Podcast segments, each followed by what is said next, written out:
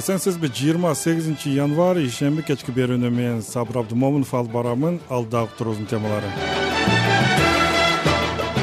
Жыйырма төрт жаштагы айза улан кызынын өлүмү жол коопсуздугун күн тартибине чыгарды. Кызды коюп кеткен айдоочусунун сот чечими менен үй камагына чыгарылышы коомчулукта талкуу жаратты.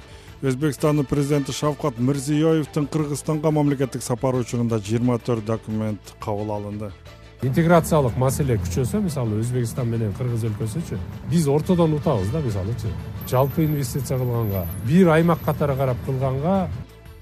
Бүгүн президент садыр жапаровдун кызматка киришкенине туура эки жыл болду. Мындан улам азаттык президенттин убадаларына сарапсеп салды. Баардыгын айтып атам. Камабагыла эч кимди. Куугунтуктабагыла деп атам. Саясий куугунтук кылгандан бирөөлөрдү камагандан түрмөлөрдү толтургандан биз эч пайда таппайбыз. Алдыда ушул темаларга токтолобуз. Азаттык менен калыңыз азыр болсо кыргызстандагы жана дүйнөдөгү акыркы жаңылыктарды канымгүл элкеевадан угуп алалы. Рахмат саламатсыздарбы. Оштогуга катышуудан эки адам жараталып ооруканага түштү. Окуя кара суу районунун нариман айыл аймагында болгон. Бул тууралуу ош облустук милициясынын басма сөз кызматы кабарлады. Маалыматка караганда ок атышуу тууралуу кабар жыйырма жетинчи январь күнү саат сегиз жарымдарда түшкөн. Алгач териштирүү иштеринин жүрүшүндө жыйырма жетинчи январь күнү саат жети он беш чамасында кара суу районунун нариман айыл аймагындагы турак жайлардын бирине тиг жайы аныкталбаган отуз отуз беш жаштар чамасындагы куралчан үстүнө камуфляж формасын кийишкен. Белгисиз жарандар мерседес бенс вито үлгүсүндөгү автоунаа менен келишкен. Үйдүн короосуна киришип аталган турак жайдын жашоочулары өздөрүнүн тойота лен краузер эки жүз автоунаасын айдап чыгып баратканда аларга карата ок чыгарышкан деп айтылат маалыматта ош милициясы тараткан маалыматка караганда жаратылгандар отуз эки жана жыйырма бир жашта аталган факты боюнча кылмыш жаза кодексинин каракчылык беренесинин негизинде кылмыш иши козголуп шектүүлөрдү кармоо иштери жүргүзүлүп жатат. Түнкү саат он бир жарымга чукул мерседес бенс вито үлгүсүндөгү автоунаа ош көпүрөсүндөгү ак бура дарыясы аркылуу өтүүчү көпүрөнүн үстүндө токтоп турган жеринен табылып далил буюм катары алынган иерусалимда синагогада ок атылып жети киши каза болду. Иерусалимде жыйырма жетинчи январда кечинде белгисиз адам синагогага келгендерге ок атып кеминде жети киши каза болду. Дагы үч киши жаракат алганын жергиликтүү басылма жазды. Басылманын жазганына караганда окуя нева яков районундагы синагогада болгон. Куралчан адам иерусалимдин палестин районунун жыйырма бир жаштагы тургуну болуп чыкты. Ал полиция менен атышууда өлтүрүлдү. Алдын ала маалыматка караганда маркум хамас тобуна жакын болгон полиция ал өзү жалгыз аракет кылган болушу ыктымалдыгын айтып жатат. Райондун комиссары яков шабдайдын айтымында кол салган адам машинада ооруп отуруп алдына чыккан өзүнө жакын жердеги адамдарды тапанча менен ата баштаган ал бул окуяны соңку жылдардагы эң коркунучтуу террористтик акт деп атады кол салуу жыйырма жетинчи январга караган түнү израиль армиясынын газа секторуна палестинанын ашкелон автономиясы жана израилдин түштүгүндөгү аткылоосуна жооп кайтарган ракеталык соккусуна байланыштуу өч алуу болушу ыктымалдыгы айтылды. Жыйырма сегизинчи январь ишемби күнү да иерусалимде эки киши октон жараталды алар жыйырма үч жана элүү тогуз жаштагы ата бала экенин экөө тең тез жардам кызматына ыктыярчы болуп иштегенин радио свобода жазды.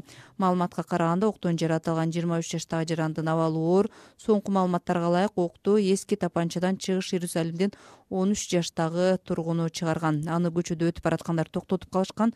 Полиция ир давид районунда болгон окуяны теракт деп атады. Бул иерусалимде акыркы бир сутка ичинде экинчи кол салуу болду рбк басылмасы эки миң жыйырма экинчи жылы орусиялыктар коңшу өлкөлөргө рекорддук көлөмдөгү акча которушканын жазды. Басылма казакстан грузия өзбекстан армения жана кыргызстанга акча которуулардын статистикасын изилдеген ага ылайык орусиялыктар былтыр казакстанга жети жүз жетимиш беш миллион доллардан ашык акча жөнөткөн. Бул эки миң он төртүнчү жылдан берки рекорд грузияга эки миллиард доллар которулган. Бул эки миң он экинчи жылдан берки рекорд болгон.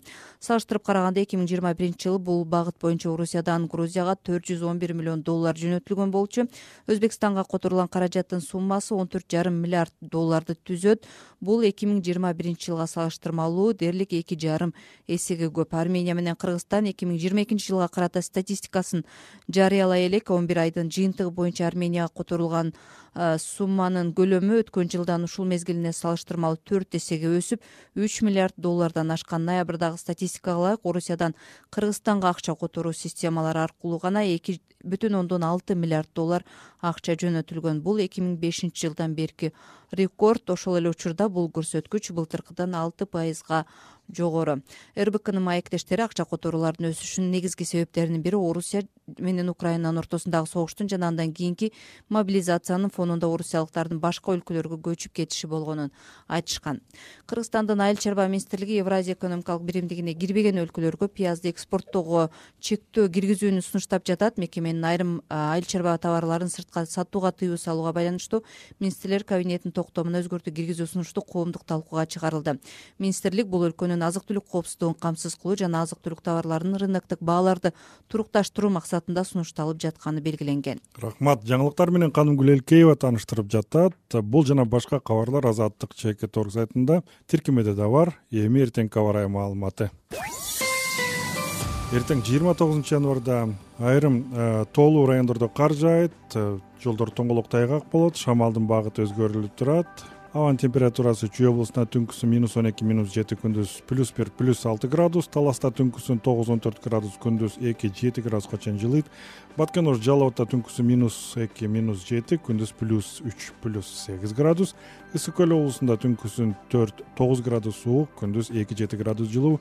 Нарын өрөөндөрүн нарындын өрөөндөрүндө түнкүсүн минус жыйырма градуска чейин түшөт аяз күндүз минус бир минус алты градус.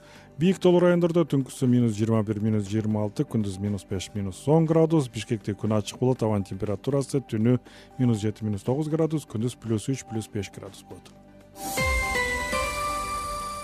Баяндарга өтөбүз жыйырма төрт жаштагы айза улан кызынын өлүмү жол коопсуздугун күн тартибине чыгарды. Кызды коюп кеткен айдоочунун сот чечими менен үй камагына чыгарылышы коомчулукта сотторго ишенбөөчүлүктү күчөтөт деген пикирлер жаралууда. Толугураак кабарчыбыз замира кожобаева айтып берет.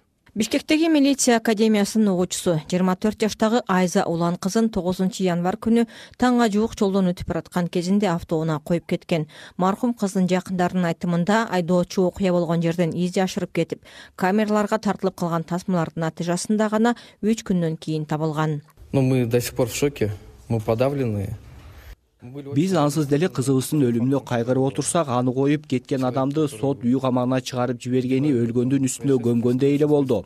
Бир эмес эки сот бутагынын айзаны коюп кеткен айдоочуну үй камагында калтырып койгону кыргызстанда адилеттик барбы деп күмөн саноого жеткирип жатпайбы. У нас вызывает много сомнений. Деди кыздын бир тууганы мирлан мураталиев.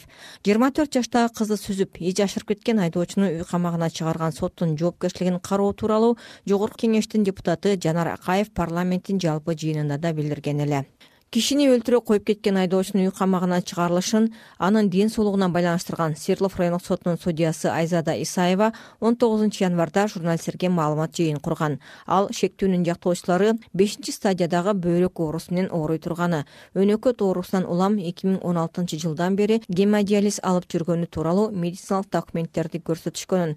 Бул шектүүнү үй камагына чыгаруу чечимине негиз болгонун билдирген в ходе рассмотрения данного ходатайства были предоставлены жактоочу берген медициналык документтерге ылайык айыпталуучу эки миң он үчүнчү жылы ички иштер кызматкери катары медициналык талаптарга ылайык пенсияга чыккан эки миң он алтынчы жылы бул адамга донорлук бөйрөк коюлган кийин да эки миң жыйырма биринчи жылга чейин жогоруда аталган диагноз калган. Бул диагноз жоюлбайт экен.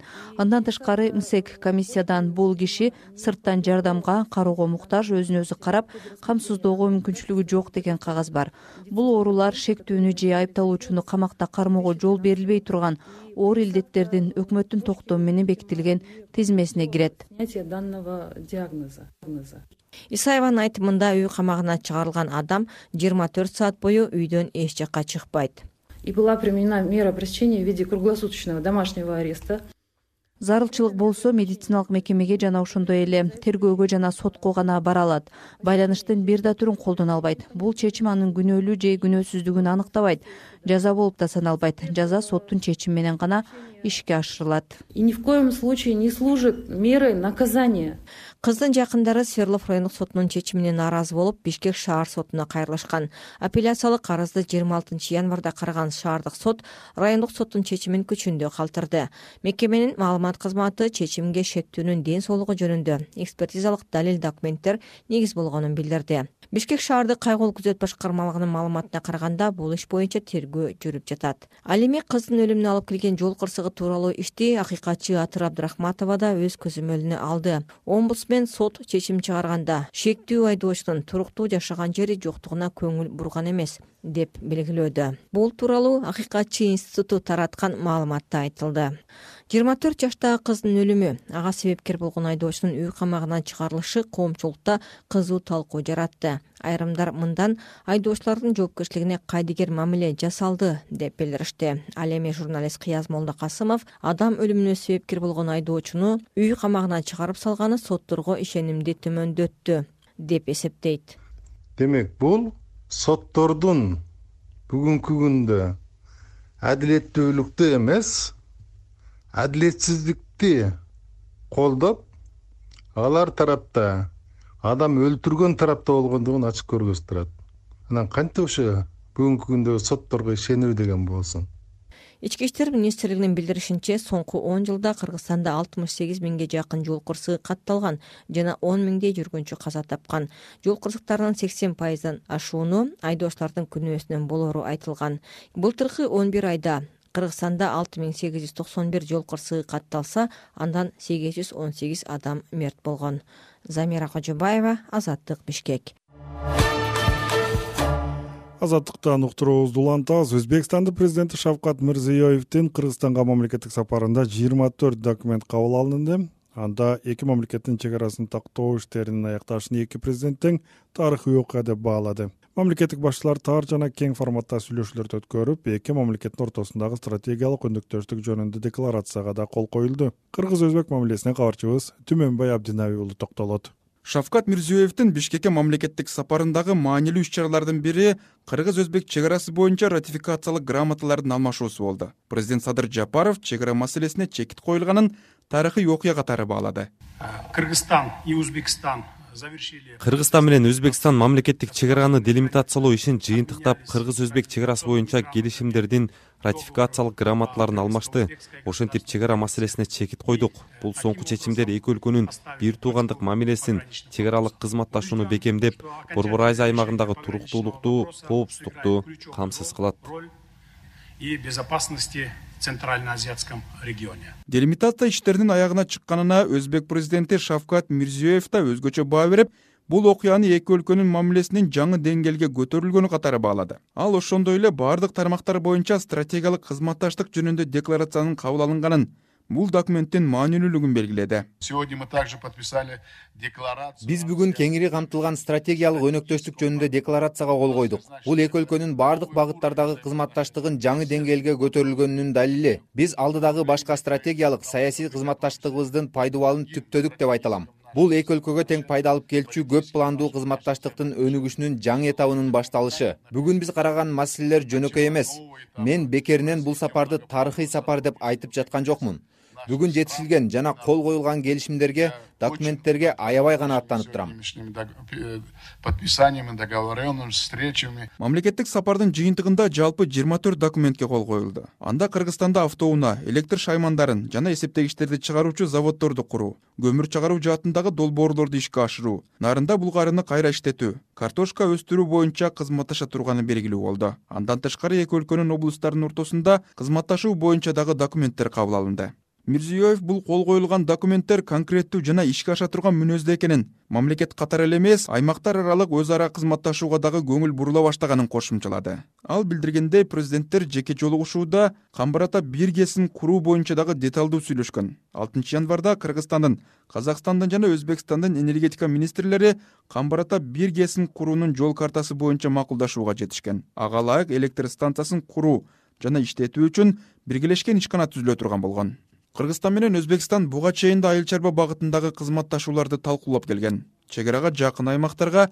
логистикалык борборлорду куруу боюнча дагы макулдашып ала бука районунда былтыр жыйырма гектар жерге курулушу дагы башталган. Эки өлкөнүн бул тармактагы соода алакаларынын жакшырып эркин жүк өткөрүүгө жол ачылса жергиликтүү дыйкандарга кыйынчылык жараларын айткандар дагы бар. Талдоочу сейтек качкынбай мындай учурда кыргызстан айрым тармактарда кыйынчылыкка туш болоорун танбайт бирок коңшу мамлекет менен көп тармактуу кызматташтык жолго салынганда эки тарапка тең утуш болот деген ойдо.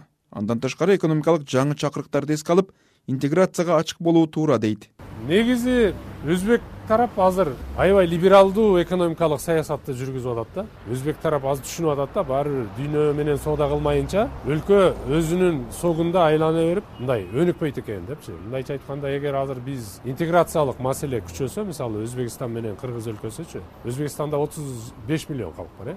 Бизде жети миллион калк. Мындайча айтканда биз бирге кырк миллиондон көп калкы бар базарбыз да биз ортодон утабыз да мисалычы алар дагы бул жака келип жалпы инвестиция кылганга бир аймак катары карап кылганга алар да көп кызыктар болмок да мындайча айтканда бул бир регион сыяктуучу евро биримдиги сыяктуу. Ушул эле күнү кемпир өзбекстанга берилишине каршы чыгып камакка алынган отузга жакын саясатчы активисттердин жакындары мамлекеттик сапар менен бишкекте жүргөн мирзиеевке кайрылуу жолдошту түрмөдө эркектер менен бирге алты аял бар. Алардын эң улуусу жетимиш эки жашта. Албетте алардын бири да мамлекетибиздин стабилдүүлүгүнө жана чек ара маселесинин чечилишине эч кандай коркунуч келтире алмак эмес.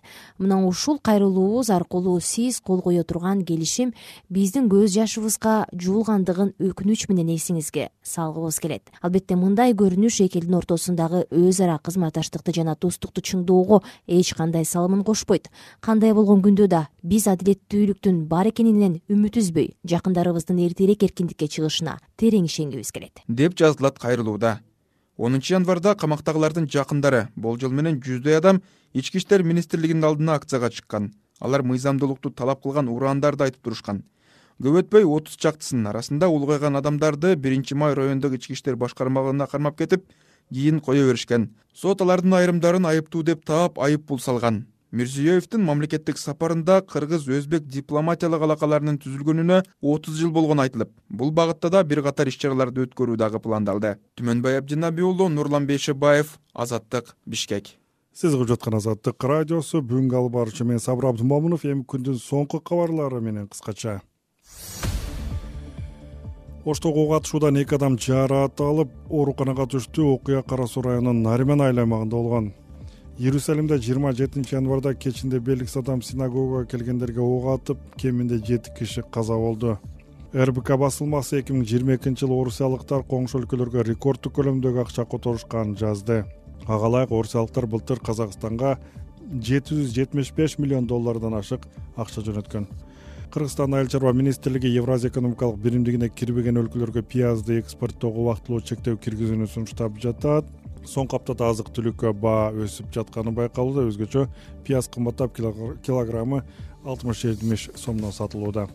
Европа биримдигинин кеңеши орусиянын банк финансы жана энергетика секторуна каршы экономикалык санкцияларын эки миң жыйырма үчүнчү жылдын отуз биринчи июлуна чейин узартуу чечимин чыгарды. Кыргыз республикасынын эмгек сиңирген артисти обончу аткаруучу жана диктор аваз чикеев оорудан улам. Жыйырма жетинчи январда жетимиш алты жаш курагында дүйнө салды сиз угуп жаткан азаттык радиосу биздин баардык макала баяндарыбыз биздин тиркемеде бар. Сөзсүз app store жана play markеттен жүктөп алыңыз. Баардык жаңы макала жаңы жаңылык улам жарыяланган сайын сиздин телефонуңузга билдирүү алып келип турат. Эми уктуруубузду кеңири баян менен уланталы. Бүгүн президент садыр жапаровдун кызматка киришкенине туура эки жыл болду эки миң жыйырманчы жылдагы октябрь окуяларынан соң президенттин милдетин аткаруучу болгон саясатчы эки миң жыйырма биринчи жылдын онунчу январында президенттик шайлоодон утуп чыгып жыйырма сегизинчи январда ант берген. Ал инаугурация аземинде өлкөнү өнүктүрүү боюнча бир топ убадаларды айткан. Мындан башка билдирүүлөрүндө да көп сөз берди. Алардын бир бөлүгү аткарылса кээелеринин жыйынтыгы башкача болду. Кабарчыбыз эрнест нурматов президенттин айрым убадаларын алып алар канчалык орундалганын талдап көрдү эки миң жыйырманчы жылдагы октябрь окуяларынан соң алгач премьер министр болуп шайланып кийин президенттин милдетин аткарып турган маалда өткөргөн басма сөз жыйынында садыр жапаров журналисттерди коргоо убадасын берген. Ал иликтөөчү кабарчылардын өмүрүнө коркунучтар жаралса керек болсо мамлекет тараптан сакчы берилээрин айткан. Шайлоодон утуп чыккандан кийинки басма сөз жыйынында да жапаров журналисттердин сизди сындаган маалымат каражаттарын кысымга албайсызбы деген суроосуна минтип жооп берген. Жок андай болбойт. Э, бирок мен сөз эркиндигин толук мындай коргоого өзүм дагы ынтызармын. Э, сөзсүз түрдө мен коргойм э, эгерде сиздерге кандайдыр бир куугунтук болуп аткан болсо болушамын. Жапаров ант берип жаткан учурда анын президенттик мөөнөтүндө кыргызстанда сөз эркиндиги камсыздалаарына ишендирген. Ал президенттик башкаруу адам укугун басынтуу сөз жана ой эркиндигин чектөө дегендик эмес деп кесе айткан бирок чү дегенде эле баш мыйзамдын жаңы долбоорунда сөз эркиндигине байланыштуу беренелер өзгөртүлүп мурдагы бийликтин тушунда кабыл алынбай калган маалыматты манипуляциялоо жөнүндө мыйзам кайрадан сунушталат. Нааразылыктардан улам бул мыйзам анык эмес маалыматтан коргоо жөнүндөгү деген аталыш менен сунушталат. Парламент аны алгач колдобой экинчи аракеттен кийин гана кабыл алып президент кол коет эки миң жыйырма биринчи жылы али токтакунов медиа хабынын журналисти мээрим айникеева атайын кызматтын аңдуусуна кабылганын айтып даттанса көз карандысыз журналист канат каныметов ата энесинин үйүнө милиция кызматкерлери коркутушканын ага кылмыш иши козголгонун айтып чыккан. эки миң жыйырма экинчи жылдын башында иликтөөчү журналист болот темиров кармалып ага баңгизат колдонгон деген айып тагылган.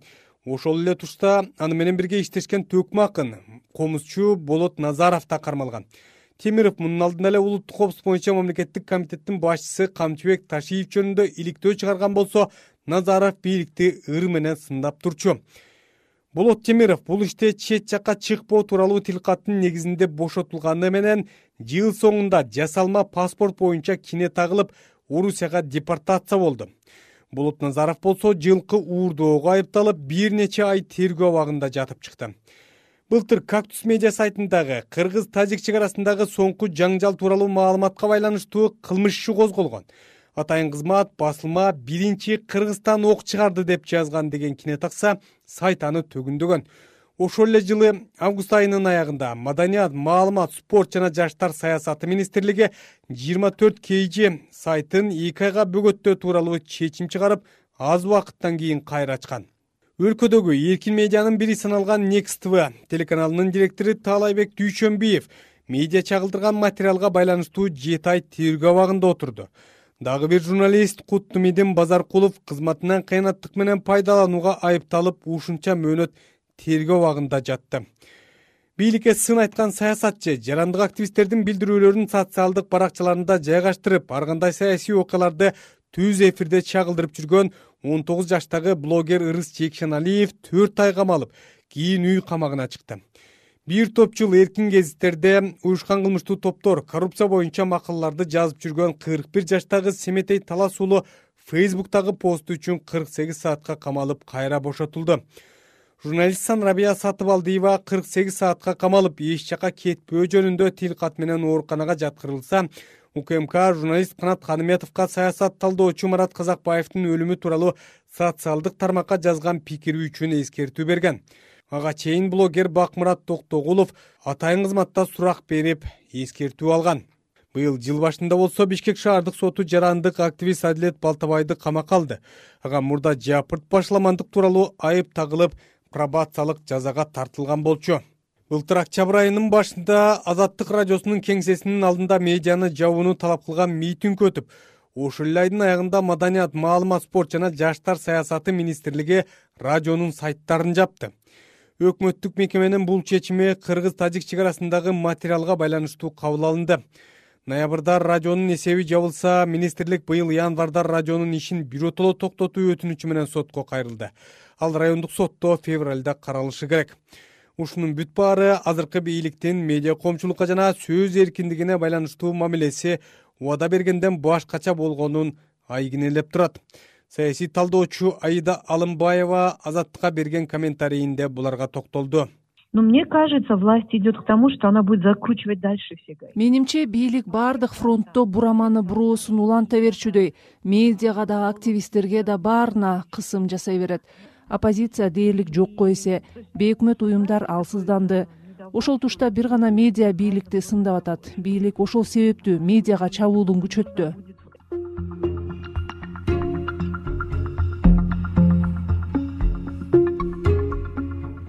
Албетте сөз эркиндиги бир эле жалпыга маалымдоо каражаттары жана журналисттерге гана тиешелүү нерсе эмес. Ал ар бир жарандын эркин сүйлөө укугу адамдардын коомдук жайларда социалдык түйүндөрдө саясатта өз пикирин эркин билдирүү укугу. Бул жагынан алганда президент садыр жапаров өзүн сындаган атаандаштарын активист жана саясатчыларды да куугунтукка албоого убада берген.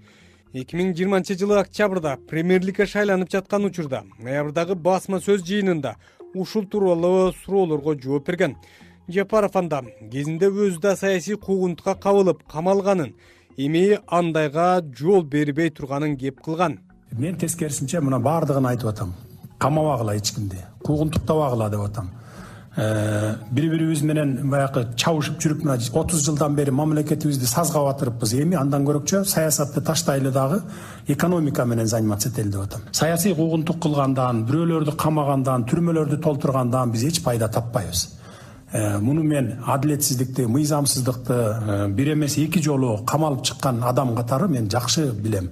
Мен жон терим менен сезген адаммын ошон үчүн саясий куугунтук же болбосо журналисттердин бир айткан сөзү үчүн куугунтук же болбосо граждандардын бир айткан өзүнүн ачык оюн жазганы үчүн куугунтук болбойт. Деген садыр жапаров эки миң жыйырманчы жылдын он экинчи ноябрында. Дегени менен саясатчы активисттер да жапаровдун иш мөөнөтү башталгандан тартып эле камала баштаган эки миң жыйырма биринчи жылы кармалган атайын кызматтын мурдагы төрагасы абдил сегизбаев бир жылдан ашуун абакта жатып төрт миллион сом айып пул төлөгөн соң үй камагына чыкты. Башкы прокуратура ага каршы жалпысынан алты кылмыш иши ачылганын билдирген. Жетим тоо кенинин казылышына жана конституциянын өзгөртүлүшүнө каршы чыккандардын бири тилекмат кудайберген уулу эки миң жыйырма биринчи жылы мартта тергөө абагына камалган. Мунун артынан эле саясатчы жеңиш молдокматов октябрь окуяларында атайын кызматтын имаратын басып алууга аракеттенген деп шектелип тергөө абагына киргизилет. Ички иштер министринин мурдагы орун басары курсан асанов анын штабында иштеген алмаз сарыбаев бийликти күч менен басып алууга даярданып жүргөн деген шек менен кармалган. Ушул эле иштин алкагында ондогон саясатчылар сурак берген. Эки миң жыйырма биринчи жылы ноябрь айларында бийликти күч менен басып алууга шек саналып кармалган ошол кездеги парламент депутаты бакыт жетигенов баш болгон бекназар купешев алмаз сарыбаев чүй ынтымагы жана эл ынтымагы биримдигинин айрым өкүлдөрү ар кандай шарт менен бошотулган. эки миң жыйырма биринчи жылы декабрь айында расалык этностук улуттук диний жана региондор ортосундагы кастыкты козутуу беренесине айыпталып кармалган экс депутат бактыбек калмаматов бир айдан кийин үй камагына чыкты саясатчы равшан жээнбеков эки миң жыйырма биринчи жылы эки жолу кармалып кайра кое берилген. Бирок кийин кой таш окуясы боюнча башаламандык уюштуруу адамды барымтага алуу тергөөчүгө каршылык көрсөтүү сыяктуу тогуз берене менен айыпталып камакка алынган. Жогорку кеңештин депутаты адахан мадумаров чек арага байланыштуу кылмыш иштердин алкагында бир нече жолу сурак берди. Эки миң жыйырма экинчи жылы кыргыз өзбек мамлекеттик чек арасын тактап макулдашууда кемпир абад суу сактагычынын өзбекстанга өтүшү кыргыз коомунун айрым бөлүгүндө нааразычылык жаратты анын айынан жапырт башаламандык уюштурууга даярдык деген шек менен бир катар оппозициялык саясатчылар журналисттер жарандык активисттер жана коомдук ишмерлер камакка алынган. Ошентип кыргызстандын тарыхында болуп көрбөгөндөй жапырт камоонун жыйынтыгы менен жогорку кеңештин экс вице спикери асия сасыкбаева мурдагы депутаттар равшан жээнбеков кубанычбек кадыров азимбек бекназаров орузайым нарматова конституциялык соттун мурдагы судьясы клара сооронкулова укук коргоочу рита карасартова коопсуздук кеңешинин мурдагы катчысы кеңешбек дүйшөбаев буршайкомдун мурдагы мүчөсү гүлнара журабаева активисттер илгиз шаменов улукбек маматаев акылбек айтбаев али шабдан чыңгыз капаров марат баязов таалайбек мадеминов атай бейшенбек перизат суранова эрлан бекчоро уулу талас облусунун мурдагы башчысы айбек бузурманкулов жалал абад облусунун мурдагы жетекчиси бектур асанов журналист айданбек акматов мурдагы элчи мамбетжунус абылов туран партиясынын лидери жеңиш молдокматов камакта жатат. Нурлан асанбеков менен талантбек эшалиев үй камагында. Булар менен чогуу кармалган экс депутат канатбек исаев да үй камагына чыккан. Адистер сын пикир айткан кишилер чекеден камала берип парламентте да анын сыртында да оппозиция калбаганын иш жүзүндө кыргызстанда демократия формалдуу түрдө гана сакталып калганын белгилеп жатышат. Бул макаланы эрнест нурматов даярдады. Жана санар версиясы азаттык жеке торг ошондой эле социалдык тармактагы баракчаларыбыздан таба аласыз. Пикир калтырыңыз окуңуз бөлүшүңүз. А биз болсо ушул уктурууну жыйынтыктап туралы бүгүнкү алып барчу мен сабыр абдымамунов